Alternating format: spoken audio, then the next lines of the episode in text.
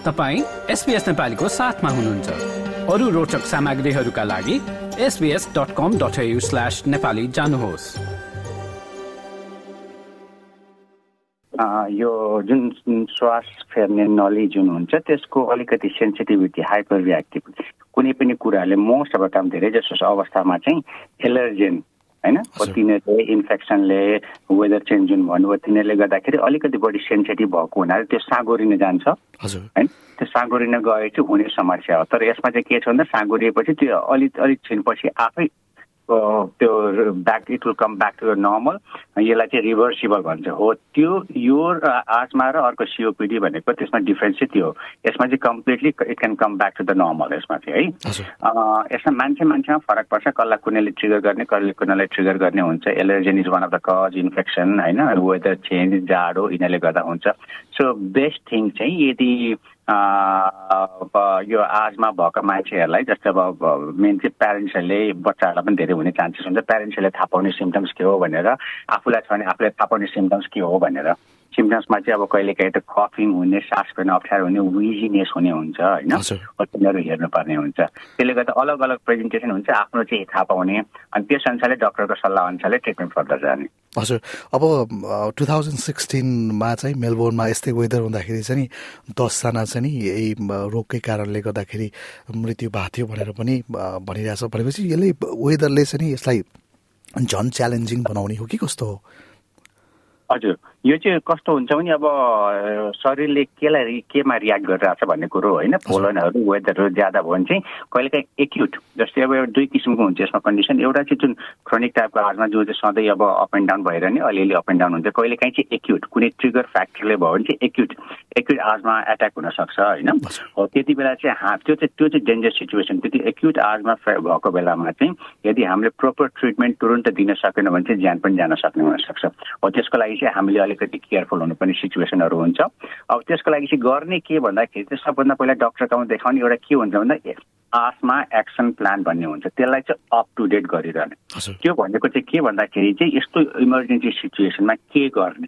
भनेर त्यो प्लान बनाइदिएको हुन्छ। त्यसमा चाहिँ आफूले युज गर्ने या बच्चाले युज गर्ने दबाईको हिसाबले यो यो अवस्थामा यो गर्ने योभन्दा खराब भने यो गर्ने त्यसपछि यसलाई गर्ने यति छिटो भेट्ने र यो अवस्थामा चाहिँ ट्रिपल जिरो कल गर्ने भने चाहिँ त्यसलाई चाहिँ अप टु डेट सधैँ गराइरहने र त्यो राखिरहने। अनि त्यसलाई फलो गर्ने अनि त्यसलाई भने अनुसारले जाने। अब कहिलेकाहीँ स्टेरोइड लिनुपर्ने हुन्छ कहिलेकाहीँ ट्रिपल जिरो फोन गर्नुपर्ने हुन्छ सबै त्यसमा लेखा हुन्छ भेन्टिलिन लिनुपर्ने कस्तो हुन्छ हो त्यसलाई अप टु डेट गरेर त्यो चाहिँ रेगुलर राखिरहने।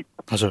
अनि जस्तो डक्टर साहब यो कोभिडको उसमा पनि आस्मालाई भनौँ न धेरै केटाकेटीहरूलाई चाहिँ त्यही रुगा बढी खोक्ने अथवा छाती दुखिया जस्तो हुने पनि त्यस्तो खालको कम्प्लेन गर्ने भएको कारणले गर्दाखेरि यो कोभिड भएको र यो आस्थमाको कारणले भएको भन्ने कुरा चाहिँ छुट्याउनलाई त्यस्तो केही छ? अब अब जस्तो कोभिड या कुनै अरू भाइरल इन्फेक्सनको सिम्टम्सहरू त त्यही रनी नोजहरू होइन अनि त्यसपछि खोकी त्यसमा चाहिँ मोइस्ट खोकी हुन्छ भने यो आजमा चाहिँ कहिलेकाहीँ त्यो रुगा खोकी नलागे पनि हुन्छ तर कहिलेकाहीँ रुगा खोकीले आजमालाई बिगार्न सक्ने पनि हुन्छ। सो भनेको मतलब के दुइटै एकैचोटि जान पनि सक्छ। तर आज भएको मान्छेलाई नर्मली यो लामो समयदेखि भएको हुनाले दे वुड नो इट। कफको प्याटर्नले गर्दा सास फेर्दाखेरि आवाज आउने।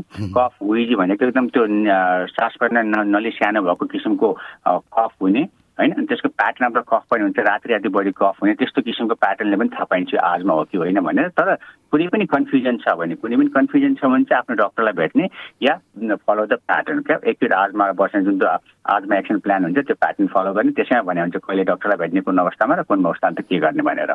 तर त्यो अलग अलग हो एउटा भाइरल इन्फेक्सन हो भने एउटा चाहिँ एलर्जी कन्डिसन हो। एउटा चाहिँ तर कहिलेकाहीँ त्यो भाइरलले यसलाई बिगारेर एक्युट सिचुएसनमा आउन सक्छ। हजुर। अब धेरै जस्तो अस्ट्रेलियामा त धेरै बालबालिकाहरूलाई यो रोग हुन्छ अथवा भनौँ न दसजना मध्ये एकजनालाई चाहिँ यो रोगबाट गुज्रिरहेका छन् भन्ने कुराहरू पनि आज विश्वमै पनि। अब यो बालबालिकाहरूमा चाहिँ ठुलो हुँदै गएपछि बढ्दै गएपछि यो रोग आफै कम हुँदै जाने अथवा आफै सन्चो हुने हुन्छ कि यो उमेर बढ्दाखेरि पनि यो रहिरहने कस्तो छ अवस्था चाहिँ? नर्मली चाहिँ हेर्दाखेरि बालबालिकामा धेरै कमनली हुन्छ हुन चाहिँ होइन? तर as they grow further most of the time चाहिँ यो चाहिँ आफै हराउँदै जान्छ। सधैँ धेरैजनालाई अब अहिले बुझ्दाखेरि आई हेड चाइल्डहुड आजमा भन्छ बच्चामा भएको थियो भन्छन्। पछि नहुन सक्छ होइन? That is normal parent most of the time तर त्यसो भन्ने हो भने कहिलेकाहीँ चाहिँ यसको थाहा हुँदैन कहिलेकाहीँ चाहिँ पछि एडल्टहुडसम्म जान सक्छ र कहिलेकाहीँ खराब पनि हुन सक्छ।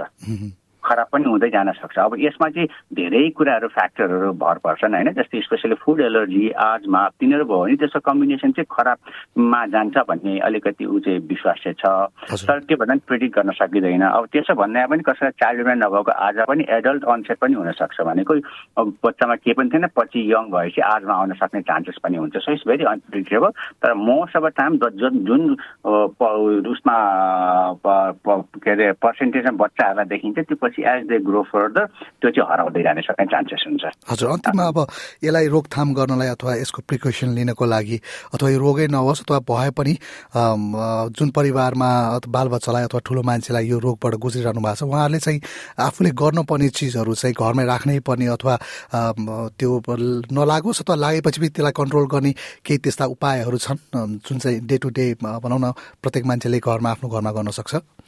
ओके सबभन्दा पहिला त अब यसको ट्रिगर फ्याक्टरलाई अभोइड गर्ने होइन?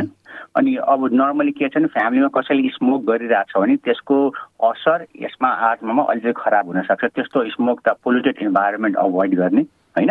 अनि हातमा भएको मान्छेहरूले जहिले पनि किप द भेन्टोलिन जुन चाहिँ पफर हुन्छ जसलाई रिलिभर भन्छन् त्यो ह्यान्डी राख्ने। होइन? यदि त्यो पफर रिलिभर धेरै फ्रिक्वेन्टली युज गर्नुपर्ने भएको छ भने चाहिँ probably it's a time to see the doctor again किनभने त्यो प्रोपरली म्यानेज भएको छैन भने चाहिँ त्यसले गर्दा डक्टरलाई भेट्ने र अनि आसमा एक्सन प्लानलाई अप टु डेट राख्ने। त्यो asthma action plan up to date राखेर आफ्नो एउटा घरमा राख्ने एउटा स्कुलमा दिने ताकि उनीहरूलाई पनि थाहा होस् कसरी म्यानेज गर्ने भनेर हो त्यो गर्ने। अब नर्मली यो चाहिँ शरीरको शरीरले नै रियाक्ट गर्ने कुराले कुराले गर्दाखेरि यसलाई निको पार्न चाहिँ होइन तर कन्ट्रोल गर्न चाहिँ सकिन्छ। अब यसलाई के शरीर आफ्नै शरीरले बडी सेन्सिटिभ भएको हुनाले निको चाहिँ होइन तर कन्ट्रोल गर्न सकिन्छ। पछि ग्रेजुअली एज एज प्रोग्रेसेस आफै हराउँदै पनि जान सक्छ। प्लिज त्यो भ्याक्सिनेसन चाहिँ अप टु डेट गर्ने ताकि if you could avoid bad infection भने चाहिँ आजमा असर नपर्न सक्छ। भनेपछि यो कोभिडको भ्याक्सिनको कुरा गर्नुभयो हजुरले? मैले फ्लु भ्याक्सिन पनि कुरा गरेँ यसमा। हजुर। अनि यो कोभिडको भ्याक्सिन इलिजिबल कोभिडको भ्याक्सिन जुनै पनि हामीले प्रिभेन्ट गर्न सक्यो जस्तै कसै कसैलाई अब एज एप्रोप्रिएट निमोनिया भ्याक्सिन पनि हुन्छ। हो तिनीहरू as much as you can यो आफ्नो एजले दिए अनुसारले भ्याक्सिन लगाएर अरू इन्फेक्सनबाट अभोइड गर्ने ताकि यो खराब नहोस्। लाइक सेयर र कमेन्ट गर्नुहोस्। एसपिएस नेपालीलाई फेसबुकमा साथ दिनुहोस्।